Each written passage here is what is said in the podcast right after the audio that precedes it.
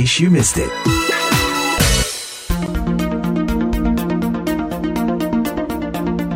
In case you missed it, sekitar dua pekan lalu, beberapa elit partai di Indonesia menggaungkan wacana penundaan pelaksanaan pemilu 2024. Dari Ketua Umum Partai Golkar, Erlangga Hartarto, kemudian ada Ketua Umum Partai Amanat Nasional, PAN, Zulkifli Hasan, sampai Ketua Umum PKB, Mohaimin Iskandar. Tapi belakangan wacana itu melemah setelah muncul protes dari berbagai pihak, baik dari internal partai-partai itu sendiri kemudian dari partai-partai yang lain hingga ke kalangan publik. Nah, penundaan pemilu 2024 yang apabila dilakukan mungkin bisa memperpanjang masa jabatan presiden, ini hanya menerima dukungan minoritas masyarakat berdasarkan hasil jajak pendapat beberapa lembaga survei. Presiden Joko Widodo tidak segera menolak wacana penundaan pemilu dan perpanjangan masa jabatan presiden ini. Dalam wawancara dengan Kompas.id, Presiden Jokowi justru mengatakan bahwa wacana tersebut adalah bagian dari demokrasi tanpa memberikan pernyataan sikapnya terhadap wacana itu. Jadi sebetulnya apa sih goal dari dimunculkannya wacana ini? Apa juga konsekuensi penundaan pemilu jikalau itu sampai terjadi? Nah, untuk membahasnya saya sudah uh, terhubung secara virtual bersama dengan Mbak Titi Anggraini, anggota Dewan Pembina Perludem, Perkumpulan untuk Pemilu dan Demokrasi. Apa kabar Mbak Titi? Baik, Alhamdulillah Mas Revan, apa kabar nih orang jauh? Alhamdulillah orang jauh ini juga baik kabarnya Mbak Titi. Nah, selain Mbak Titi, kita juga sudah terhubung dengan Mas Bawono Kumoro, peneliti dari Indikator Politik Indonesia. Halo Mas Bawono. Halo Mas Rifan, apa kabar? Baik, Alhamdulillah. Semoga Mas Bawono juga ya sehat selalu kita semua dan kita bisa ngobrol. Amin. Tapi pertama saya pengen ke Mas Bawono dulu sih sebetulnya. Jadi mayoritas responden survei terakhir dari Indikator Politik Indonesia kan uh, ternyata menunjukkan bahwa uh, mereka mendukung pergantian kepemimpinan nasional lewat pemilu 2024. Boleh dijelasin ya nih Mas, uh, temuan atau hasil dari jajak pendapat itu dan apa arti dari temuan itu Mas? Memang uh, dalam tiga bulan terakhir survei yang kami lakukan sepanjang bulan September sampai Desember, kita mengajukan pertanyaan yang soal penundaan pemilu ya. Jadi kita mengajukan uh, dua pendapat kepada responden pendapat pertama adalah uh, mengenai pergantian pimpinan nasional melalui pemilu 2024 harus tetap dilaksanakan meski masih dalam kondisi pandemi. Kemudian pendapat kedua, pandemi dan pemulihan perekonomian nasional harus menjadi prioritas penanganan secara tuntas oleh presiden meski pemilu harus ditunda gitu ya. Nah, hmm. dalam uh, survei sepanjang bulan September sampai November sampai Desember maaf 2021 kemarin, dukungan publik terhadap pendapat pertama bahwa pemilu harus tetap dilakukan di tahun 2024 untuk melakukan pergantian pemilu nasional meski masih dalam kondisi pandemi itu selalu berada di atas angka 64 persen. Hmm. Terakhir di bulan Desember kemarin eh, dukungan publik terhadap eh, hal itu mencapai 67,2 persen, sedangkan wow. 24,5 persen lain mengatakan eh, pandemi dan pemulihan perekonomian nasional harus menjadi prioritas penanganan secara tuntas oleh presiden meski pemilu harus ditunda. Nah, responden hmm. yang tidak tahu atau tidak jawab sekitar 8,3 persen. Jadi kalau merujuk eh, hasil survei bulan Desember ini, itu tidak sampai seperempat eh, warga negara Indonesia ya, responden dalam survei kami, yang mendukung eh, pandemi dan pemulihan perekonomian nasional harus menjadi prioritas untuk penanganan secara tuntas oleh presiden meski pemilu harus ditunda. Jadi hmm. artinya keinginan dari sejumlah elit ketua tiga ketua umum partai politik dan pernah juga dikemukakan oleh Menteri Investasi uh, Bahlil Lahaladia bahwa pengusaha atau kalangan pengusaha mereka mengklaim gitu ya ada aspirasi dari pengusaha dan kalangan pengusaha bahwa pemilu 2024 harus ditunda itu tidak sesuai dengan aspirasi kebanyakan uh, mayoritas publik gitu ya, hmm. sebagaimana terekam dalam uh, survei kami lakukan tersebut di bulan Desember. Ada gap atau jurang eh, yang sangat lebar antara aspirasi di tingkat elit dan aspirasi di tingkat publik terhadap pelaksanaan pemilu 2024 dan pergantian kepemimpinan nasional. Hmm. Jadi publik sebagian besar masih melihat bahwa pergantian kepemimpinan nasional harus sesuai konstitusi setiap lima tahun apa pun kondisi yang tengah dihadapi oleh bangsa ini. Apakah itu pandemi masih berlangsung, pemulihan ekonomi masih berlangsung, dan sebagainya. Oke, berarti memang sejauh ini yang mendominasi atau mayoritas tidak setuju dengan wacana penundaan pemilu dan sebagai konsekuensinya perpanjangan masa jabatan presiden. Mbak Titi, Perludem kan bersama dengan sejumlah uh, pihak lain juga kemudian mengajukan petisi penolakan wacana ini. Apa sih yang dibaca oleh Perludem dari wacana tersebut?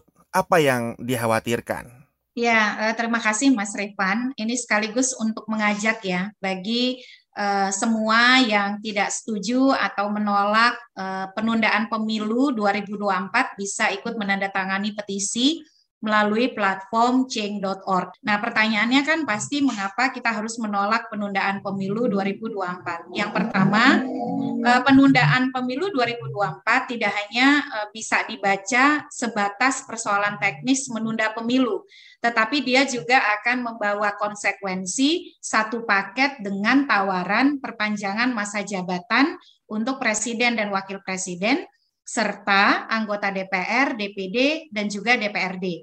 Karena pemilu kita pemilu serentak, ketika pilpresnya ditunda, maka pemilu legislatifnya juga tertunda. Kalau presidennya diperpanjang, maka anggota parlemennya juga diperpanjang.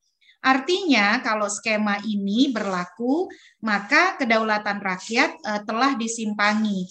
Kan kita bersepakat uh, kekuasaan tertinggi berada di tangan rakyat. Itulah yang disebut dengan kedaulatan berada di tangan rakyat dan uh, dilaksanakan berdasar undang-undang dasar begitu ya, menurut undang-undang dasar. Uh. -huh. Nah, kalau perpanjangan masa jabatan dilakukan tanpa kemudian melibatkan suara rakyat, artinya kedaulatan rakyat sudah disimpangi.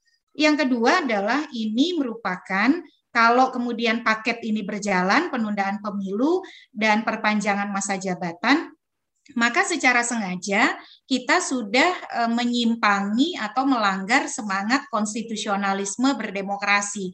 Apa itu? Semangat itu adalah kita ingin membatasi kekuasaan pemerintah dan kekuasaan pemerintah itu diartikulasikan melalui pembatasan masa jabatan presiden dan wakil presiden hmm. yang diterjemahkan melalui pengaturan pasal 7 Undang-Undang Dasar kita bahwa presiden dan wakil presiden menjabat selama lima tahun dan hanya bisa dipilih kembali untuk satu kali masa jabatan pada periode berikutnya kan begitu. Hmm. Nah kalau eh, pemilu ditunda lalu eh, masa jabatan presiden diperpanjang maka semangat pembatasan masa jabatan yang merupakan uh, hasil perjalanan sejarah kita uh, sangat panjang ya uh, di era Orde Lama, Orde Baru dan uh, mengerucut melalui semangat reformasi uh, tahun 98 yang kemudian ketika kita mengamandemen konstitusi pertama kali 99 hmm. dirumuskan dalam pasal 7 tadi itu akan dicederai secara sengaja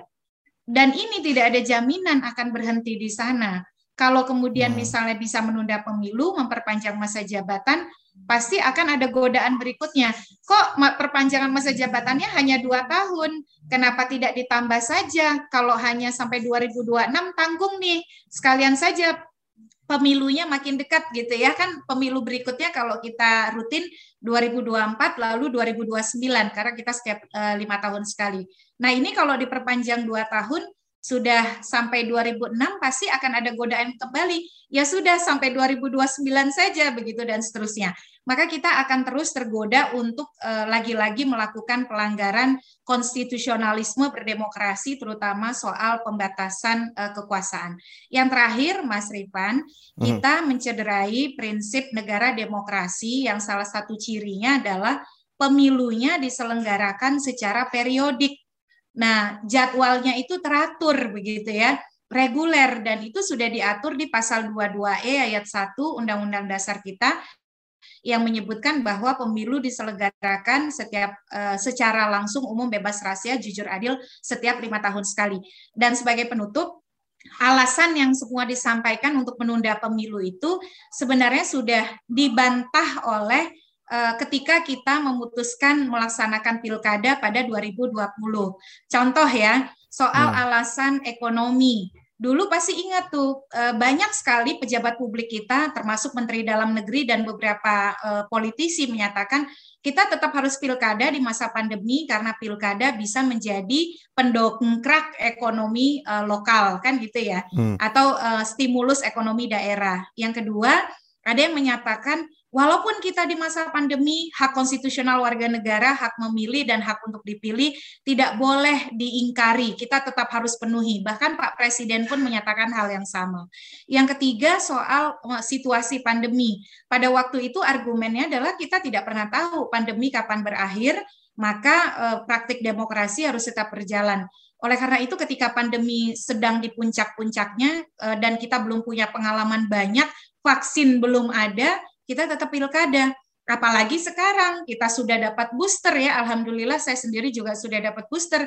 Eh, pengendalian COVID di Indonesia juga direkognisi oleh dunia. Bahkan sekarang kalau perjalanan tidak harus ada karantina, tidak perlu hmm. lagi ada antigen, tidak perlu lagi PCR begitu.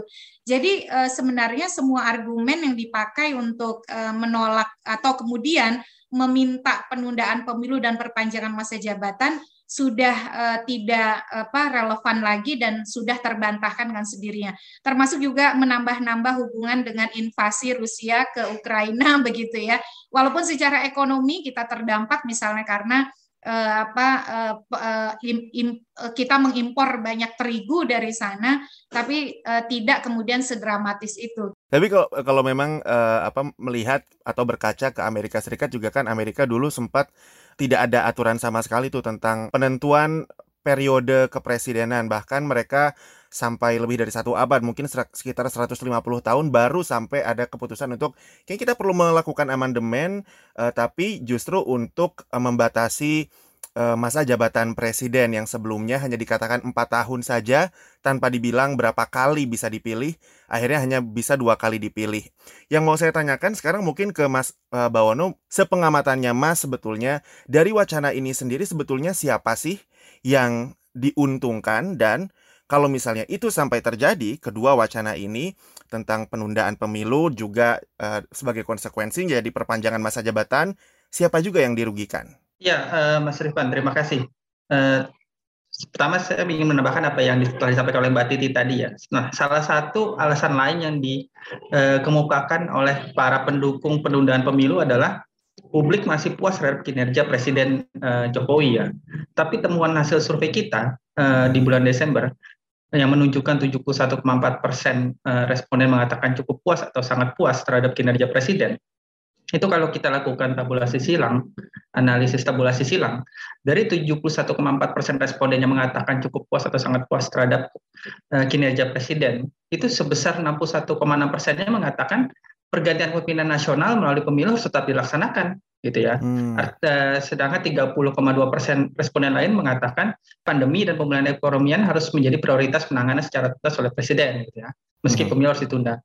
Jadi alasan uh, bahwa kepuasan publik terhadap kinerja presiden masih tinggi yang dijadikan alasan oleh elit-elit politik kita untuk uh, menunda pemilu itu tidak lagi-lagi tidak menemukan uh, relevansinya dengan aspirasi hmm. publik.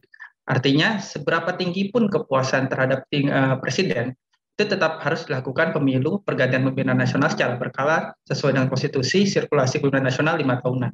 Hmm. Nah, siapa yang diuntungkan dari uh, penundaan pemilu ini? Pertama tentu saja para elit politik yang selama ini sangat menikmati kekuasaan di sekitar eksekutif, yang selama ini sangat nyaman dengan kepemimpinan Presiden eh, Jokowi, entah itu karena eh, mendapatkan pembagian kue, kue kekuasaan yang memadai dan sebagainya gitu ya, eh, dan juga mungkin didasari oleh ketakutan atau kecemasan dari elit-elit politik dalam menghadapi pemilu 2024. Entah itu karena uh, para ketua umum partai mereka uh, mem tidak memiliki prospek elektabilitas yang baik hmm. sebagai calon presiden mendatang gitu ya. Entah itu juga karena uh, partai politik mereka tidak memiliki prospek terpilih. Kedua mungkin saja adalah pelaku-pelaku ekonomi di yang selama ini diuntungkan dengan kebijakan hmm. di pemerintahan selama ini mungkin juga terkait dengan misalnya agenda besar, proyek besar eh, pembangunan ibu kota Nusantara di Penajam Pasar Utara di Kalimantan eh, Timur. Hmm. Ini kan eh, prosesnya sudah bergulir gitu ya, undang-undangnya yeah. sudah ada, sebentar lagi kepala otorita IKN juga akan ditunjuk, dilantik oleh presiden. Nah, ini kan eh, tentu sebuah proyek besar, sebuah eh, lahan besar untuk bisa dimanfaatkan oleh pelaku-pelaku ekonomi pelaku bisnis yang selama ini memang sudah sangat diuntungkan dengan berbagai kebijakan uh, yang dikeluarkan oleh presiden. Jadi dua-dua kelompok ini saya lihat baik itu elit politik maupun elit uh, bisnis, ekonomi bisa jadi menjadi pihak-pihak uh, yang paling diuntungkan apabila uh, pemilu 2024 urung dilaksanakan dan hmm. uh, ditunda gitu dan dilakukan uh, amandemen penambahan masa jabatan presiden. Saya okay. kira demikian Mas Rifan. Siapa yang paling dirugikan nih Mas berarti? Yang paling dirugikan tentu kita publik secara luas ya. Hak konstitusional kita sebagaimana diamatkan oleh Undang-Undang uh, Dasar 1945 dilanggar gitu ya. Uh, yang dirugikan juga adalah uh, kita yang uh, masih menginginkan kehidupan demokrasi konstitusional di Indonesia tegak berdiri gitu di Indonesia amanat reformasi masih uh, amanat reformasi berupa pembatasan jabatan presiden uh-huh. uh, masih ingin uh, tegak di Indonesia dan ya yang paling yang paling dirugikan adalah publik publik secara luas ya artinya kita semua yang memiliki hak pilih untuk uh, hak pilih dan hak dipilih dan sebagainya. Juga kami pikir adalah uh, sebenarnya yang dirugikan juga adalah partai-partai politik itu sendiri gitu ya. partai partai-partai politik ini kan uh, juga memiliki agenda politik mereka ya. Mereka yeah. memiliki agenda politik mereka bahwa di 2024 uh, sebagian partai politik sudah memiliki kader-kader untuk dimajukan sebagai calon presiden berikutnya gitu ya.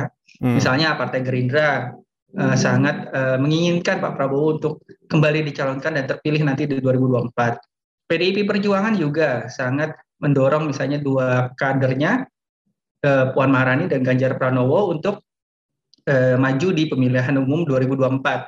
Dan hmm. partai-partai lain kami pikir seperti Partai Nasdem juga meskipun tidak uh, memiliki kader untuk dimajukan tapi juga memiliki uh, proyeksi uh, uh, untuk uh, memajukan tokoh sebagai capres atau calon wakil presiden gitu ya. Hmm. Nah, kalau pemilu di 2024 ditunda, ini kan tentu kerugian juga bagi partai-partai ini. Mereka tidak bisa uh, memiliki peluang untuk mendudukan kader terbaik mereka di kursi presiden atau wakil presiden. Dalam konteks itu juga kita uh, bisa memahami uh, reaksi keras atau uh, sikap kontra terhadap uh, penundaan pemilu ini dari PDIP Perjuangan yang dikemukakan oleh uh, sekjennya Pak Hasto, juga dari uh, Partai Gerindra Pak Prabowo sudah menegaskan uh, tidak tertarik untuk membahas isu penundaan pemilu, juga uh, Partai Nasdem melalui ketua umumnya Pak Surya Paloh gitu ya. Hmm. Kita tentu berharap partai-partai ini tidak masuk angin, tetap bersikap demikian bersama partai-partai lain, misalnya yang di luar uh, koalisi pemerintah seperti PKS dan Demokrat yang uh, sejak awal tegas uh, menentang wacana penundaan pemilu tersebut. Oke, Mbak Titi ada tanggapan? Ya, uh, saya kira ini agak memang uh, langgamnya itu berlanjut ya dari wacana presiden tiga periode. Hmm. Kalau presiden tiga periode itu kan narasinya uh, memperpanjang batasan periodisasi untuk menjadi presiden dan wakil presiden. Tetapi perpanjangan itu hanya bisa dilakukan melalui proses pemilu.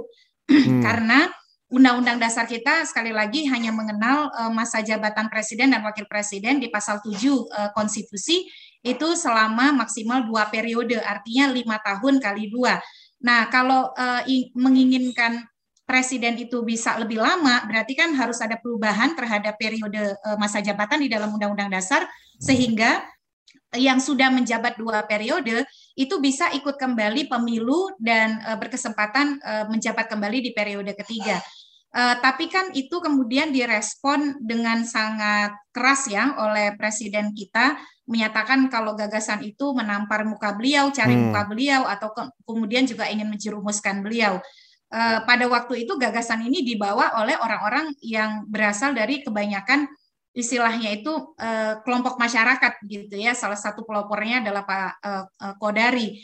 Nah um, kemudian ketika ini agak uh, reda uh, isunya bergeser ke uh, penundaan, penundaan pemilu, pemilu dengan mm -hmm. konsekuensi perpanjangan masa jabatan. Nah yang berbeda dari presiden tiga periode kalau presiden tiga periode yang bisa periode ketiga itu hanya presiden. Tapi kalau penundaan pemilu ini bicara soal siapa yang untung ya kalau bicara soal penundaan pemilu dan perpanjangan masa jabatan, karena kita ini pemilunya pemilu serentak antara pileg dan pilpres, yeah. maka yang yang uh, diperpanjang itu yang bisa menjabat lebih lama uh, dari lima tahun itu bukan hanya presiden, tapi juga anggota DPR, anggota DPD, dan anggota DPRD, sehingga hmm. uh, yang untung itu bertambah begitu ya istilahnya itu pasukan yang dapat manfaat itu bukan hanya presiden tetapi juga anggota parlemen di uh, setiap lingkat tingkatan nasional dan daerah. Nah, uh, ini kan lebih menggiurkan ya kalau dilihat dari keuntungan. Tidak harus ikut pemilu, sudah pasti bisa menjabat lebih lama. Hmm. Tapi kalau tiga periode, belum tentu bisa terpilih kembali karena ada kampanye atau perlawanan yang kuat misalnya dari publik Uh, sehingga di uh, ketika mengikuti uh, pilpres di periode ketiga bisa saja masyarakat itu uh, say no gitu ya bilang tidak. Hmm. Nah, tapi kan kalau pemilu ditunda, perpanjangan otomatis dilakukan, ruang publik untuk tidak bilang untuk bilang tidak itu kan tidak ada. Jadi yang paling hmm. rugi ya memang publik karena kita bisa bilang iya dan tidak terhadap pemimpin kita kan melalui pemilu. Tetapi karena pemilunya ditunda, otomatis ada perpanjangan masa jabatan, meskipun skemanya harus ditempuh melalui amandemen konstitusi, tetapi perpanjangan masa jabatan melewati batas yang sudah diatur undang-undang, yaitu periode kedua itu hanya boleh hmm. lima tahun dan uh, apa uh, uh, uh, tidak boleh uh, maj, apa, menjabat lagi itu kan kemudian istilahnya uh, diterobos begitu tanpa hmm. ada kesempatan rakyat untuk bilang setuju tidak setuju iya atau tidak gitu. Nah, ya. ini yang memang kalau bicara soal keuntungan dan uh, kerugian dan kerugian yang paling mendasar uh, Mas Rifan para pengusul ini memikirkan kredibilitas Indonesia. Sebab Indonesia ini berdasarkan pengukuran indeks demokrasi dari The Economist itu kan posisinya lumayan membaik ya. 2020 hmm. peringkatnya peringkat ke-64 di 2021 peringkatnya naik ke 52. Dan uh, itu menimbulkan harapan bagi kita bahwa demokrasi kita di tengah situasi pandemi uh, tetap uh, apa akan uh, bertahan begitu.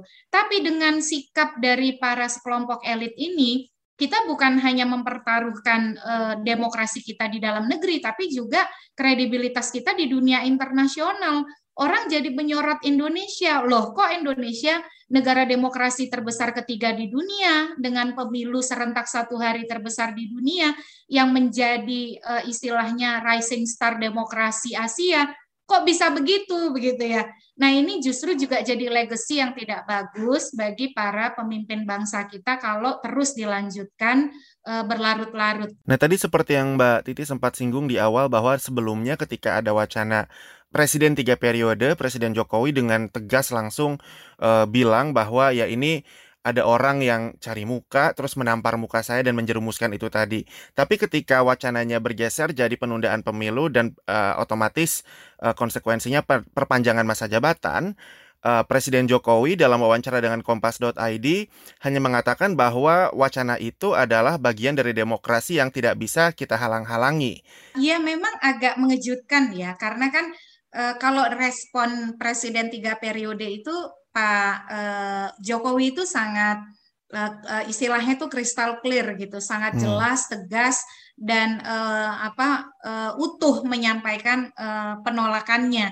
Ingin menampar muka saya, ingin uh, cari buka, padahal saya sudah punya muka saya sendiri gitu ya, uh, dan ingin menjerumuskan.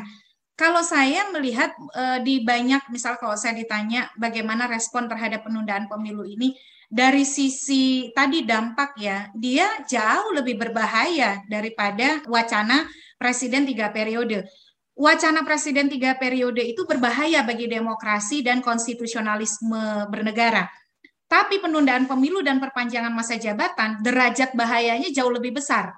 Karena tadi kenapa ya? Karena uh, walaupun sama-sama dilakukan melalui amandemen konstitusi, tetapi bedanya kalau presiden tiga periode itu masih melibatkan suara rakyat. Hmm. Tapi kalau di sini pemilunya ditunda, masa jabatan otomatis diperpanjang melampaui uh, batasan yang sudah diatur oleh konstitusi, rakyat tidak terlibat untuk hmm. setuju atau tidak setuju atau menyatakan uh, kemauan atau ketidakmauannya begitu. Jadi betul-betul suara rakyat itu ditinggal mestinya responnya itu lebih tegas lagi karena dengan uh, usulan perpanjangan masa jabatan melalui penundaan pemilu sesungguhnya mereka sudah menjerumuskan uh, Pak Presiden untuk mengkhianati konstitusionalisme berdemokrasi kita untuk menjadi pelanggar konstitusi. Jadi itu yang yang derajat bahayanya saya sebut lebih uh, besar uh, daripada kemudian narasi presiden tiga periode. Walaupun dua usulan ini sama-sama harus kita tolak ya. Nah, uh, saya sih berharap uh, Pak Presiden itu uh, diksinya itu lebih menghentak menghantam begitu ya. Hmm. Tapi ketika mengatakan uh, ikut konstitusi uh, dan ini bagian dari kebebasan berpendapat di alam demokrasi, saya sendiri agak uh, apa uh, kecewa ya dan juga menyayangkan karena mengapa meskipun kita ada di alam demokrasi tapi kita tidak boleh menggunakan kebebasan untuk berpendapat berekspresi untuk melemahkan dan membunuh demokrasi gitu ya untuk kemudian membuat demokrasi tidak berdaya. Kalau kita membiarkan uh, semua uh, ekspresi yang melemahkan demokrasi itu sebagai sesuatu yang wajar-wajar saja, kita akan membuka ruang juga untuk misalnya uh, nanti kelompok-kelompok ekstremisme yang ingin mengubah apa uh, negara dan ingin mengubah orientasi ideologi bangsa itu sebagai wacana demokrasi gitu. Sementara kan hmm. kan perilaku terhadap hal-hal uh, yang seperti itu negara sangat tegas. Jangan sampai kemudian ketegasan itu istilahnya uh, apa uh, tidak konsisten ditunjukkan oleh para pejabat publik kita. Kira-kira begitu Mas Rifan. Mas Bawono, pandangan Mas seperti apa? Ya, memang uh, sepakat dengan apa yang disampaikan oleh Mbak Titi tadi ada uh, penurunan uh, respon ya. Artinya responnya tidak segalak uh, dua tahun lalu ketika mengatakan wacana ini menampar muka saya gitu ya, atau cari muka. Responnya sangat normatif ya kalau kita si uh, cermati respon Presiden Jokowi disampaikan di Istana Bogor uh, minggu lalu itu sangat normatif tunduk pada taat konstitusi. Nah, masalahnya kan konstitusi itu rule of the game itu kan bisa berubah juga melalui amandemen. Jadi hmm. kalau nanti uh, konstitusi itu berubah, uh, misalnya berubah dengan menunda pemilu atau menambah periode masa jabatan presiden, berarti presiden akan tunduk juga. Jadi uh, responnya diberikan sangat normatif gitu ya. Harusnya bisa clear, uh, loud and clear gitu ya, bahwa yeah. saya uh, tegas menolak wacana penundaan pemilu 2024 atas dalih apa pun dan juga saya menol tidak berminat untuk uh, menjabat kali ketiga gitu sebagai presiden. Kalau respon yang diberikan presiden seperti itu jelas sangat clear dan sangat menentramkan kita semua gitu ya. Mm-hmm. Terutama uh, menentramkan publik, mengakhiri kontroversi yang tidak berguna ini di ruang publik karena banyak hal yang lebih penting untuk dipikirkan. Juga kemudian uh, komitmen kalau memang uh, presiden pemerintah berkomitmen uh, tetap uh, pada keputusan politik yang telah dibuat bersama Komisi 2 DPR beberapa waktu lalu bahwa pemilu 2024 uh, harus dilaksanakan tanggal 14 Februari 2024. Langkah yang berikutnya harus dilakukan mestinya adalah uh, memberikan kepastian anggaran bagi pelaksanaan pemilu 2024. Ini kan belum ada uh, kepastian mengenai uh, alokasi anggaran bagi pelaksanaan pemilu 2024 hmm. tersebut harusnya uh, respon yang diberikan seperti itu gitu ya. Artinya tidak uh, normatif, tidak uh, lip service uh, bahwa ini adalah bagian dari demokrasi, segala aspirasi publik bisa diperbolehkan, bisa muncul. Ya, seperti yang disampaikan oleh Mbak Titi tadi bahwa memang ini uh, bagian dari uh, diskursus di dalam demokrasi, tapi diskursus apa pun yang bertujuan untuk uh, membunuh demokrasi itu sendiri itu tidak dibenarkan dalam demokrasi. Ya. Betul bahwa uh, isu ini menurun tensinya, tapi jangan lupa uh, walaupun hari pemungutan suara pemilu 2024 uh, untuk uh, pemilu serentak presiden dan legislatif sudah diputuskan oleh KPU akan berlangsung Rabu 14 Februari 2024 tapi ada dua instrumen yang sangat krusial untuk penyelenggaraan pemilu yang itu belum tersedia. Tadi sudah disebut soal anggaran ya, yang mhm. diajukan KPU yang pada awalnya 86 triliun turun jadi 76 triliun dan konon katanya sekarang berkurang lagi jadi 62an triliun karena dianggap terlalu besar dan seterusnya. Jadi juga ini masih mengambang. Dan hmm. yang kedua adalah hari pemungutan suara itu hanya pintu masuknya untuk menyelenggarakan pemilu itu perlu tahapan, program, dan jadwal. Tahapan-tahapan itu misalnya kapan pen, uh, pendaftaran partai dilakukan, yeah. kapan uh, pendaftaran calon dilakukan, pemutahiran data pemilihnya kapan. Nah, itu belum ada peraturan KPU yang mengatur tahapan program dan jadwal. Padahal kalau dilihat dari kerangka waktu, bulan Juni 2022 itu harus sudah dimulai tahapan yang pertama, yaitu perencanaan, penganggaran, dan penyusunan peraturan. Lalu di bulan Agustus itu menurut Undang-Undang Pemilu kita, Undang-Undang 7 2017, harus sudah dilakukan eh, pendaftaran partai politik peserta hmm. pemilu 2024. Nah, kalau instrumen eh, teknis berupa peraturan KPU-nya belum ada, Berarti kan kita belum bisa mengatakan bahwa 2024 itu sudah menunjukkan kepastian atau hilalnya sudah terlihat jelas ya hmm. walaupun sudah pakai apa kamera perbintangan sekalipun begitu. Nah, itu juga teman-teman dari media dan kita semua harus mengawal uh, supaya kemudian walaupun sudah mereda jangan sampai hal-hal yang uh, di, di sejatinya uh, krusial tapi seolah-olah hanya dianggap teknis begitu ya soal anggaran, peraturan itu justru malah menghambat pemilu 2024. Ya, berarti itu semua memang harus dipastikan dan tentunya VOA akan terus uh, memantau seperti apa perkembangannya apakah uh, peraturan KPU itu sudah uh, apa sudah sampai mana persiapannya dan apakah akan segera di, di, di, di dikeluarkan, disahkan dan untuk sementara ini terima kasih banyak Mbak Titi Mas Bawono atas diskusi singkatnya dan tentunya pendengar untuk semua uh, pendengar VOA This Morning dan in case you missed it, kita masih akan uh, terus melaporkan perkembangan mengenai wacana penundaan pemilu dan juga uh, perpanjangan masa jabatan presiden ini. Untuk saat ini sampai di sini dulu. In case you missed it, kita ketemu lagi dalam pembahasan topik-topik berikutnya. Sampai jumpa. The Voice of America.